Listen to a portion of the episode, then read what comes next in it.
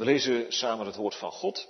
Twee gedeelten, allereerst uit het psalmboek, psalm 32, en vervolgens de profetieën van Micha, hoofdstuk 7, vers 18 tot en met 20. We lezen dus allereerst psalm 32. Een onderwijzing van David.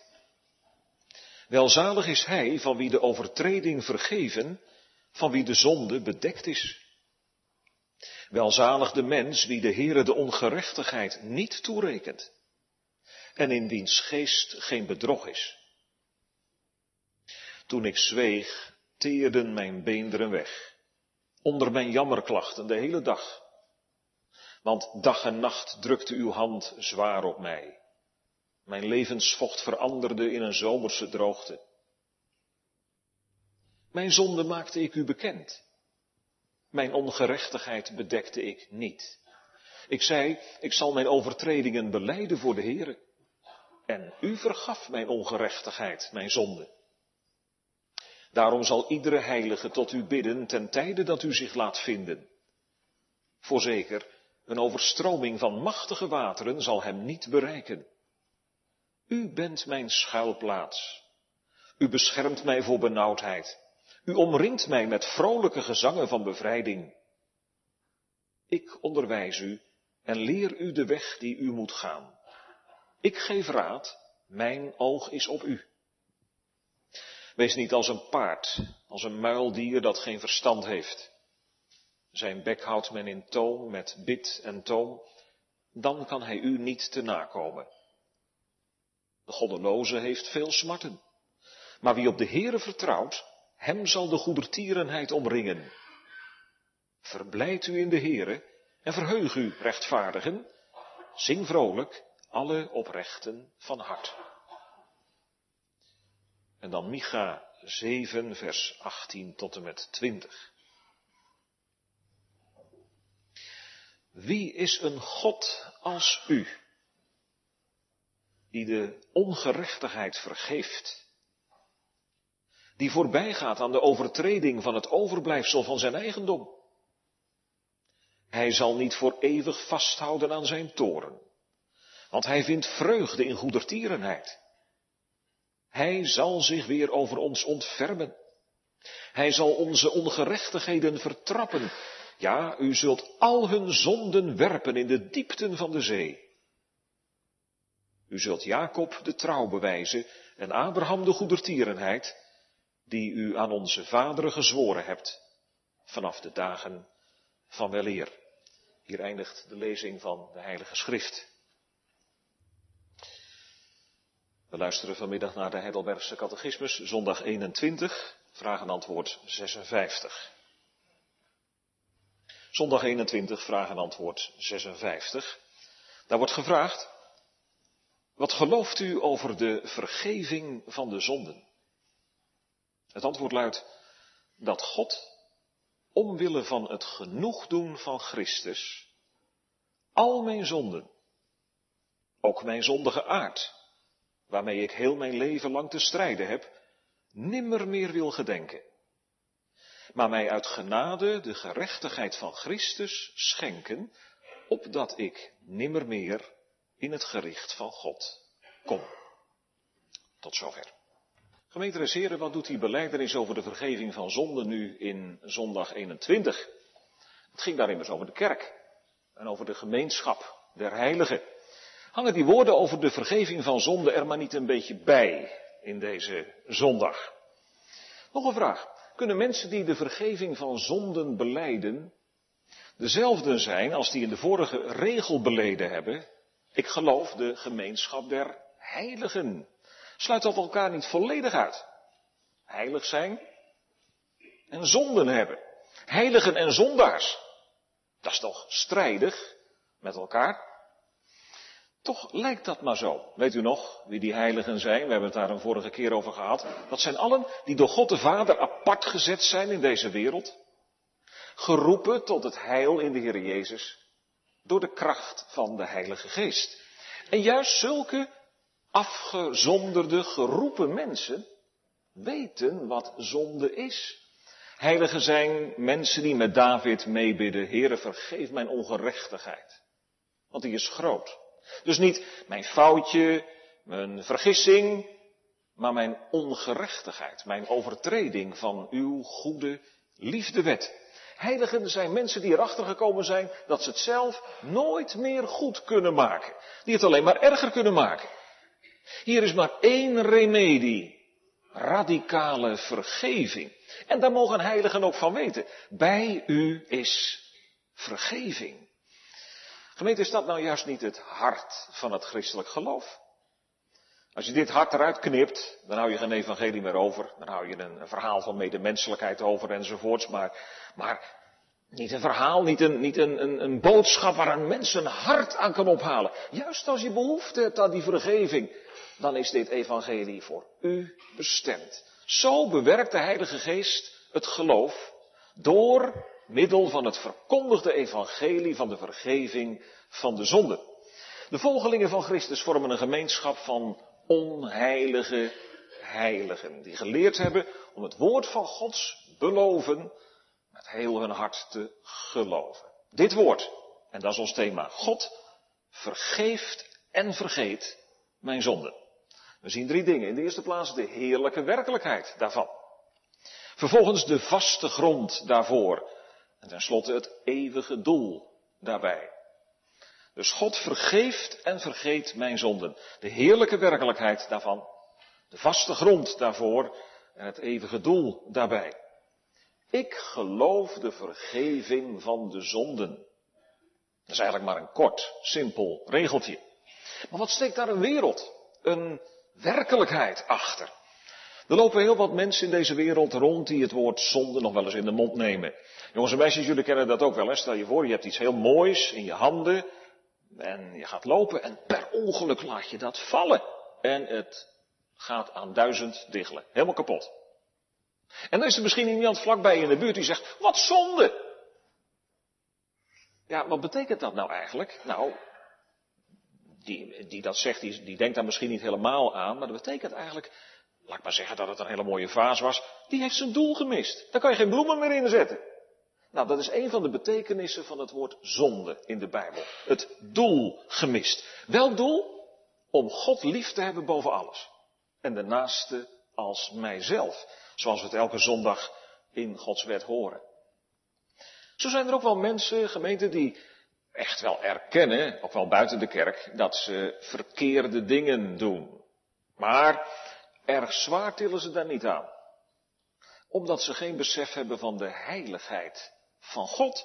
Hij is zo heilig dat hij de zonde, het kwade, niet kan gedogen. Och, wij mensen zeggen zo heel makkelijk, iedereen maakt wel eens een fout. Nobody is perfect. Daar moet je overheen zien, komt bij de beste voor. En zo vergeven mensen zichzelf hun zonden. Weet je wat ze dan eigenlijk doen, jongeren? Ze drukken op de knop delete op de computer. En dan denken ze dat het weg is. Maar voor God blijven zulke zonden bestaan. Want het is niet beleden als zonde voor Hem. En ik vrees dat dat niet alleen maar buiten de kerk voorkomt. Ach, gemeente, zullen we allemaal bij, bij onszelf blijven. Wij kunnen zo gedachteloos spreken over de vergeving van de zonden als, alsof het een volstrekt natuurlijke zaak is. De Fransen hebben er zelfs een spreekwoord voor. Pardonner, c'est son métier. Vergeven, dat is zijn vak. Gemeente, als de werkelijkheid van deze woorden, ik geloof de vergeving van de zonde, tot ons doordringt, en door de Heilige Geest aan ons hart wordt toegepast, dan duizelt het ons. Vergeving en zonden, dat zijn twee woorden om de adem bij in te houden. Zonden, de rauwe werkelijkheid van mijn gode vijandige bestaan. De afgrond, de krater van mijn verdorvenheid en eeuwige verlorenheid die ik verdiend heb. En vergeving, de heerlijke werkelijkheid van Gods erbarming, de berghoogte van Gods liefde en genade. Als je vanuit die afgrond geleid wordt tot die zalige hoogte, dan kun je weer ademhalen in die vergevende liefde van de Heer. Ik zal nu, ik mag ademhalen naar zoveel bange tegenspoed. al mijn geloften, u betalen, die in de grootste nood van mijn leven mij hebt behoed. En om in dat beeld te blijven van die, van die stroom van Gods liefde, je zou kunnen zeggen, vanuit die berghoogte stroomt die rivier van Gods liefde naar beneden, die afgrond in. Met grote kracht, zoals dat bij een bergstroom het geval kan zijn. En als dan die, die vergeving van zonde verkondigd wordt gemeten, dan is dat niet met de bedoeling dat wij daar op een afstandje naar staan kijken en dat we misschien zeggen, wat klinkt dat mooi, maar dan is dat met maar één bedoeling, dat wij ons in die stroom zullen baden, dat wij door die stroom gereinigd zullen worden, opdat het werkelijkheid wordt. Wat we wel eens in een lied horen. Ik ken een rivier en haar heerlijke vloed stroomt vredig en zegenend steeds voort. Zij straalt in zijn glans als met vurige gloed. Wie heeft van die stroom nooit gehoord? Die het hoort en die dorst heeft? Die kom en die drinken uit die zaligende stroom. Die wil nemen dat water des levens om niet dat God uit genade u biedt. Gemeente, dat is nou het kristalheldere evangelie. En nou roept de Heer ons op ons met heel ons hebben en houden, zo ver als we zijn, in die rivier van zijn genade te werpen. Om te drinken uit die fonteinen van Gods heil. Mag ik dat wel doen? Heb ik daar het recht wel toe? Nu, het recht om tot Christus te komen en vergeving van zonde te ontvangen, dat ligt nooit in jezelf. Dat ligt alleen maar in de belovende God. In de belofte van het evangelie lees ik Gods genade in zijn ogen af. Lees ik zijn vergevingsgezindheid. Gemeente, dat is het eerste. Dat gaat aan alles vooraf. Aan alles wat wij beleven of ervaren of niet ervaren. Maar misschien denkt iemand, ja, maar moet ik mijzelf toch eerst niet in een bepaalde vorm gieten om in aanmerking te komen voor de vergeving van de zonde? Moet ik bijvoorbeeld niet eerst een hele diepe zondekennis hebben voordat ik daar aanspraak op zou kunnen maken? Of juist andersom? Moet ik mij niet eerst wat opknappen om ervoor in aanmerking te komen? Zoals die zwerver, jongens en meisjes, dat kunnen jullie ook begrijpen. Zoals die zwerver over wie dominee Spurgeon vertelt. Nou, dat is al heel lang geleden, maar het is een heel mooi voorbeeld. Een schilder in Londen, die wilde afbeelden hoe Londen eruit zag, had een zwerver genodigd om de volgende morgen bij hem in het atelier te komen. En dan zou hij hem op het doek gaan zetten. Immers, ook zwervers hoorden bij het straatbeeld in Londen. Volgende morgen, 9 uur, het atelier wordt aangeklopt. En daar staat een keurige meneer. Met stropdas voor en een pak aan en geschoren en gekapt enzovoort. Wie bent u? zei de schilder. Nou, ik ben die zwerver die u gisteren had genodigd om in het atelier te komen. Hier ben ik. Ja, zei die schilder, maar zo kan ik u niet gebruiken. Ik had u genodigd om als zwerver te komen en niet als een keurige heer. Ziet u? Wij worden niet genodigd als brave mensen die zoveel mee te brengen hebben. Maar als verloren mens, als zondaar. Ik zou het ook iets anders kunnen zeggen. Je moet, je moet de grond niet verwarren met de vrucht. De grond voor de vergeving is alleen Gods belofte. Je kunt je geloof nooit bouwen op iets van jezelf, ook niet op je zondekennis of op je heilige leven of wat dan ook maar. Dat zijn allemaal vruchten van het werk van de Heilige Geest. Maar die worden niet geëist als een voorwaarde waar ik aan moet voldoen voordat ik de vergeving van zonden mag ontvangen. Gemeente, het evangelie veronderstelt maar één ding. Dat wij totaal niets hebben en niets zijn in onszelf. Dat we alles missen en van alle goeds vervreemd zijn. Niemand uitgezonderd. En zo laat het evangelie niemand van onze ruimte om niet tot Christus te komen. Dus de vraag, ziet u uw zonde? En wilt u er zo graag vanaf? Steun dan op zijn onfeilbaar woord. En ga op grond van dat woord naar de Here toe. Denk aan het vaderlijk meedogen, heren, waarop ik biddend pleit. Wie mag er dus de toevlucht nemen tot de beloften van de vergevende God? Wie mag er hem om vragen? Elk mens. In heel de wereld. Niemand uitgezonderd. Om het met woorden uit een van onze andere beleidenissen te zeggen. Deze belofte moet aan alle volken en mensen, tot welke God in zijn welwagen zijn evangelie zendt, worden verkondigd en voorgesteld. Met bevel van bekering en geloof. Hoort u het? Ook dat laatste, hè? Met bevel van bekering en geloof. Het gaat immers om, om leven of dood. Het gaat om eeuwig wel of eeuwig wee. De Heer laat ons vanuit het evangelie een bevel horen, gemeente, om tot Hem te komen, omdat Hij ons niet over heeft voor het verderf. Dus geloof en bekering als een bevel, dat is niet zoiets als geloof of ik schiet, maar veel meer de aandrang van een brandweerman. Die een huis in brand ziet staan en die daar op de, op de eerste of de tweede verdieping nog mensen ziet. En die zegt, spring in dat vangzeil wat ik je voor heb uitgebreid. Als je leven je lief is, dan heb je geen enkele keus meer gemeten. Dan kun je alleen nog maar springen. Dus die man die zegt dat uit drang om te redden. Zo klinkt het evangeliebevel.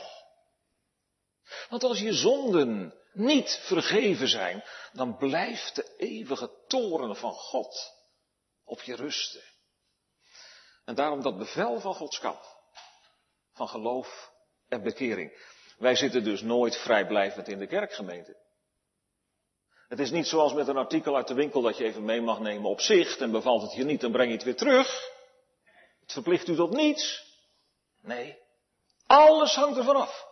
Hoe u op de boodschap van het evangelie ook vanmiddag reageert naar de Here toe. Het is zo levensnoodzakelijk om van onze zonden bevrijd te worden. Misschien zegt iemand, maar ik, ik, ik zie ze zo weinig. Als ik nou eerlijk ben.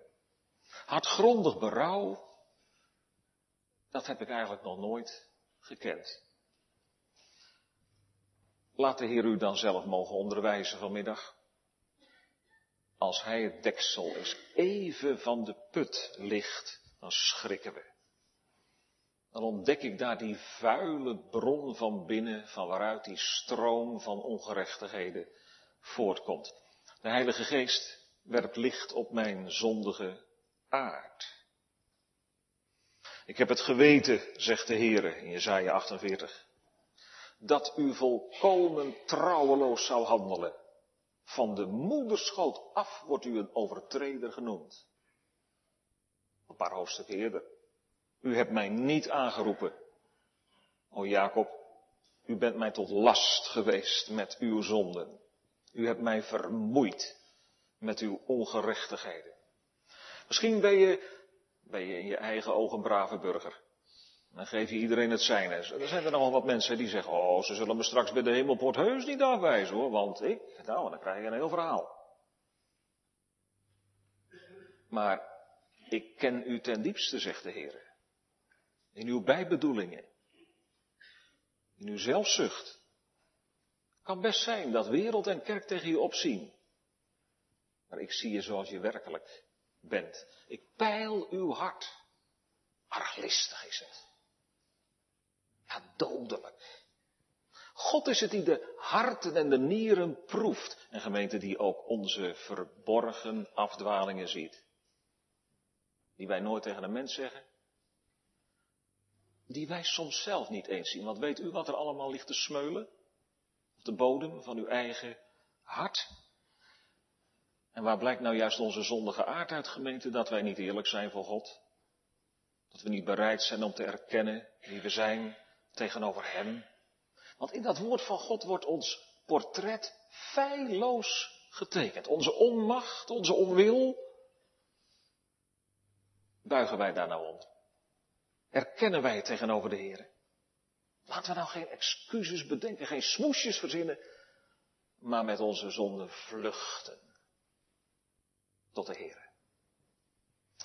In Psalm 32, die we samen gelezen hebben, eh, komen we tot de ontdekking dat David eerst zweeg over zijn zonde. En toen werd hij innerlijk verteerd. Toen had hij het niet meer. Als wij onze zonden misschien wel zien, maar niet beleiden, dan kunnen wij, mag ik het eens zo zeggen, gemeente van binnenuit opgevreten worden.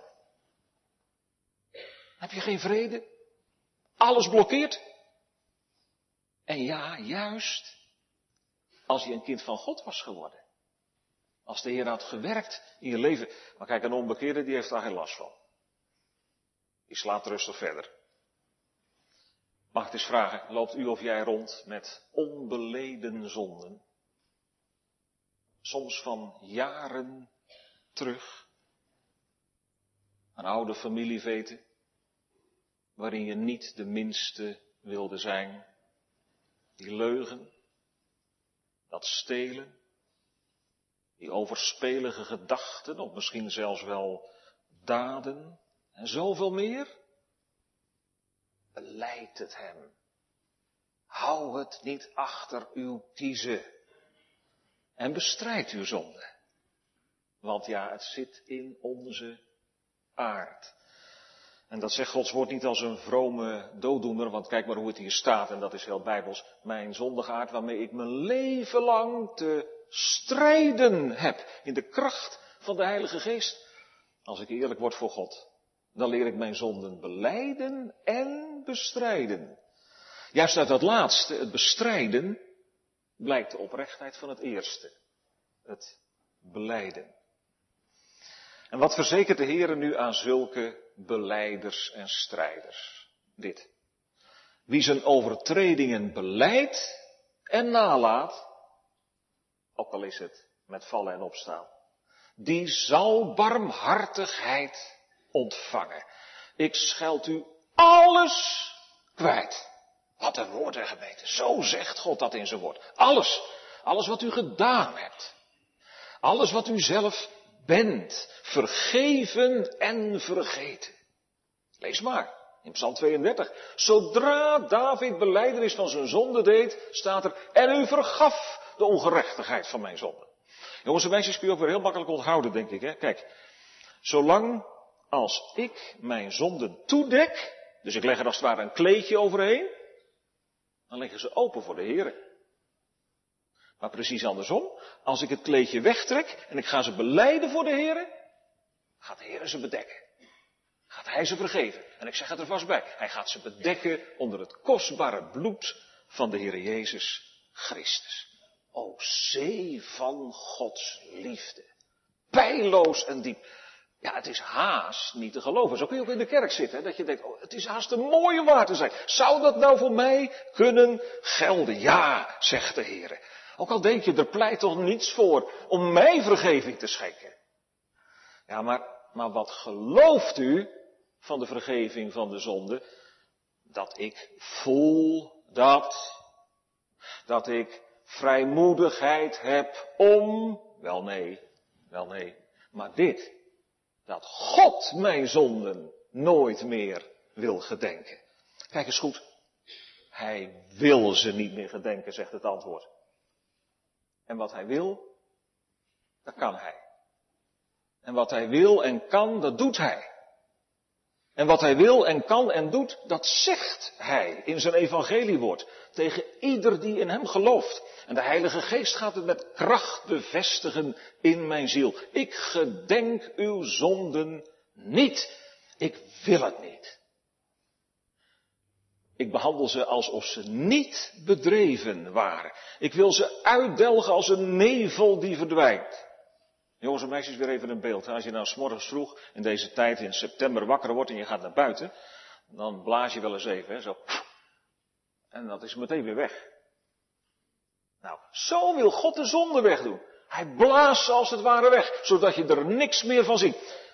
En hij zegt ook, ik demp uw ongerechtigheden. Zoals je ergens vroeger een sloot had en hij is gedempt, en alleen mensen die er vroeger nog gewoond hebben, die weten het misschien nog. Maar als je er vandaag overheen loopt, dan weet je helemaal niet dat er ooit een sloot geweest is. Ik werp al uw zonden in de diepte van de zee.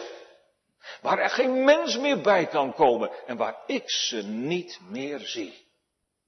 Zo spreekt de almachtige, barmhartige, trouwe, genadige God en Vader van onze Heere Jezus Christus. En als Hij het zegt, gemeente, dan is het zo. Want Hij is zo door en door betrouwbaar. Aan een mensenwoord kun je met recht en reden nog twijfelen. Maar wat uit zijn lippen ging, dat blijft vast. En onverbroken. Hoe kan dat nou allemaal? Kan de alwetende iets vergeten? Kan de alziende God het allergruwelijkste niet meer zien? Ons verstand zegt, dat is onmogelijk. Gods geheugen is toch oneindig scherp? Met eerbied gesproken.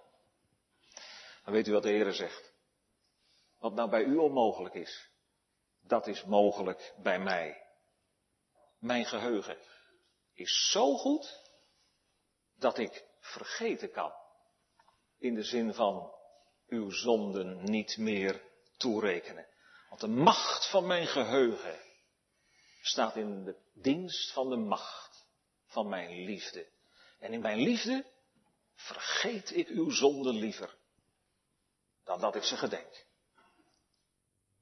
Een lied zingt, welke macht heeft uw liefde in Christus ons geopenbaard? Ja, want dat laatste, dat is de grond van Gods vergeven en vergeten. Hij doet het, zegt het antwoord, op grond van de genoegdoening van Christus. De Heere ziet de schendingen van zijn heiligheid en majesteit niet door de vingers. Verre van dat. Hij eist genoegdoening. Dat kun je trouwens in het aardse recht ook hebben. Iemand heeft een vergrijp gepleegd. En dan eist de aanklager genoegdoening. Een geldbedrag, opsluiting of een taakstraf.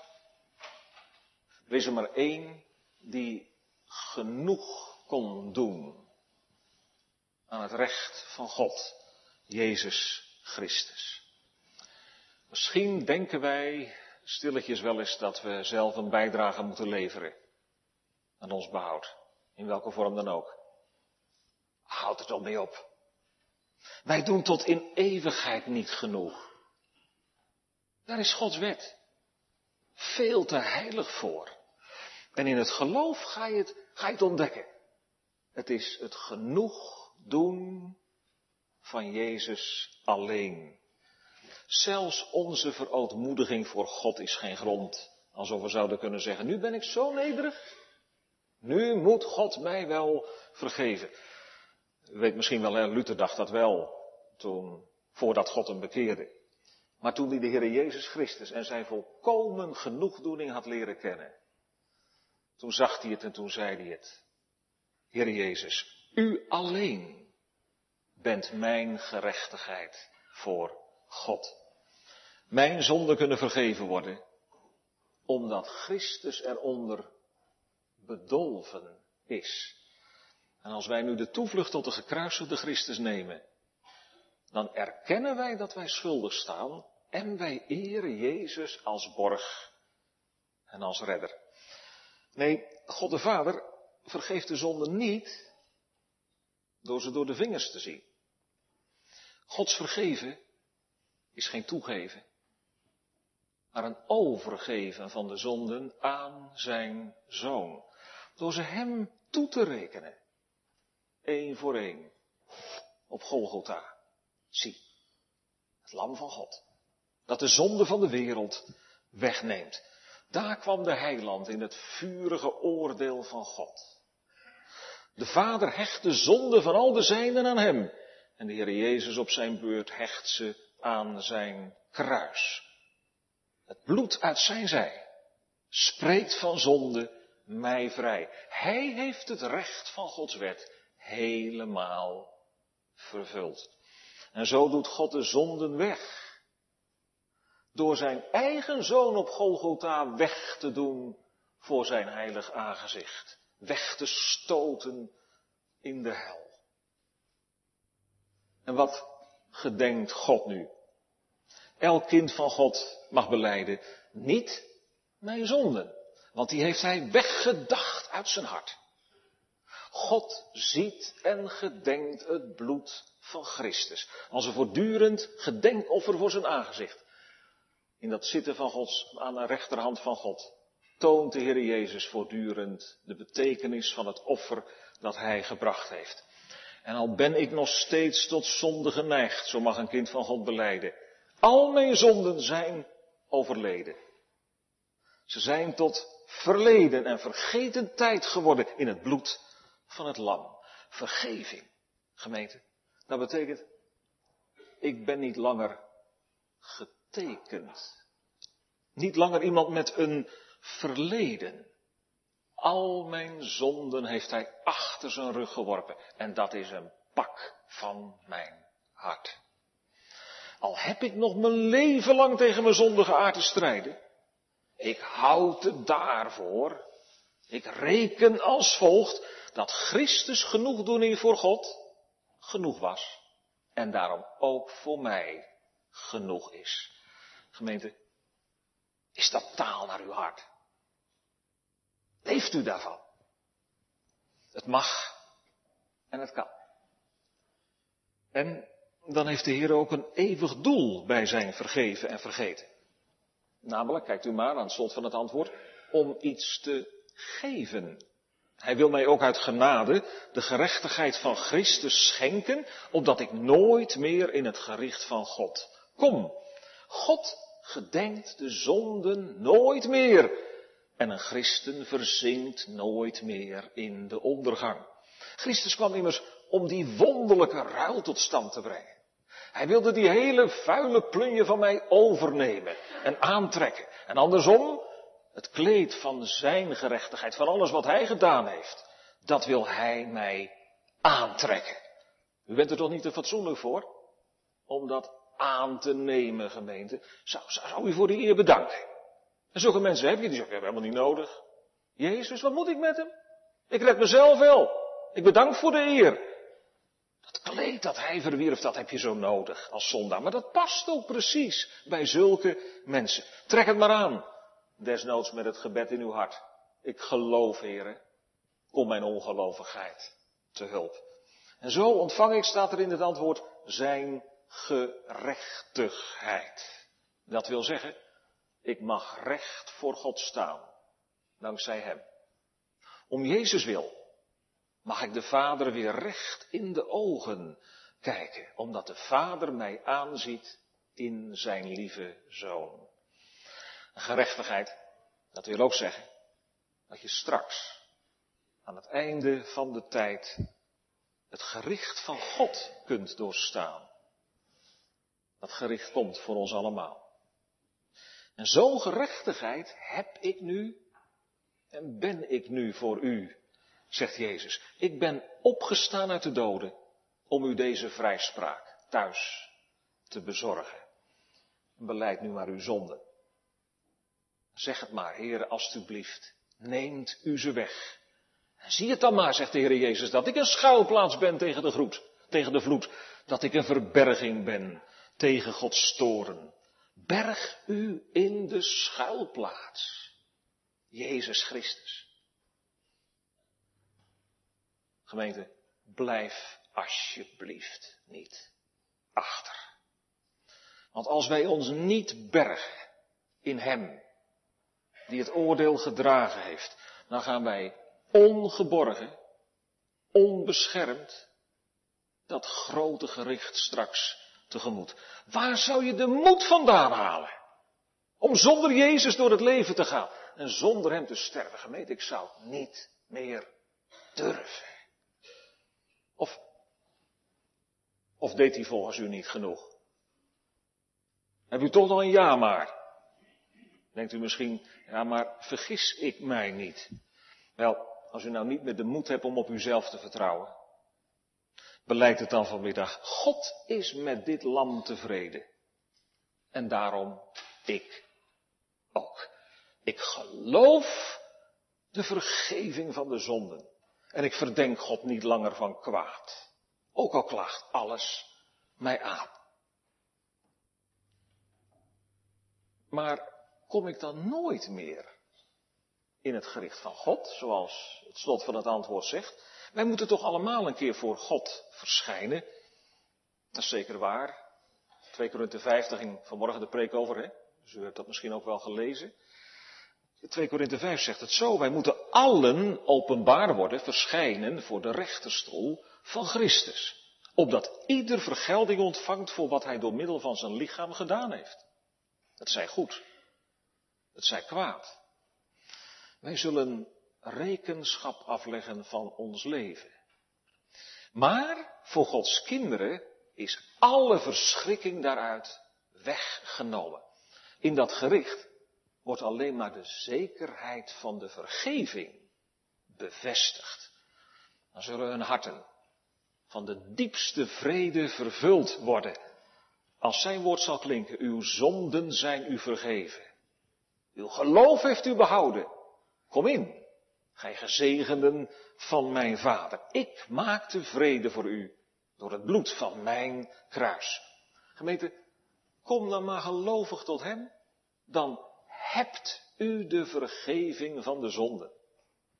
Zo zegt Christus het toch zelf. Wie mijn woord hoort en gelooft hem die mij gezonden heeft, die heeft het eeuwige leven en die komt niet in de verdoemenis, maar hij is uit de dood overgegaan tot het leven.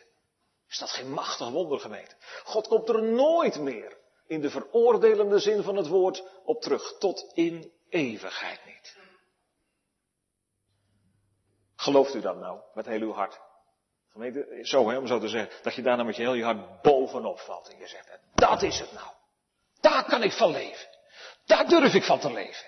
Daar kan ik ook op sterven. Ja, maar we zijn een beetje in dialoog met elkaar. Ja, maar, maar hoe weet ik nou of dat echt is bij mij? Want een mens kan wel wat zeggen, niet waar? Weet u, dat kunt u toetsen. Onder andere daaraan of u bereid bent uw naaste te vergeven. Dat is de proef op de som. En gemeente, dan laat ik even allerlei vragen rusten die hiermee samenhangen. Dat, dat is een apart onderwerp van, ja, maar hoe zit dat dan psychologisch? Als je slachtoffer bent, kun je dan zomaar je dader vergeven? En moet die, moet die dader niet eerst vergeving vragen? Dat is een heel complex van vragen dat daarmee samenhangt. Daar kan ik nu allemaal niet op ingaan. Maar het gaat even om de hoofdlijn.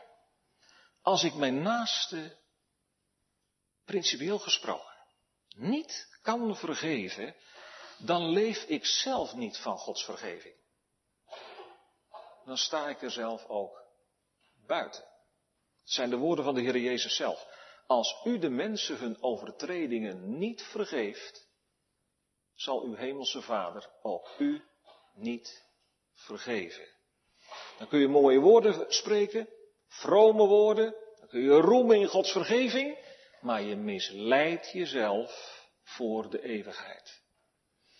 Maar gemeente, andersom. Als ik tot mijn grote verwondering merk dat, dat die vergevende liefde mij geraakt heeft. Dat ik daarvan bij wijze van spreken van mijn stuk ben gegaan.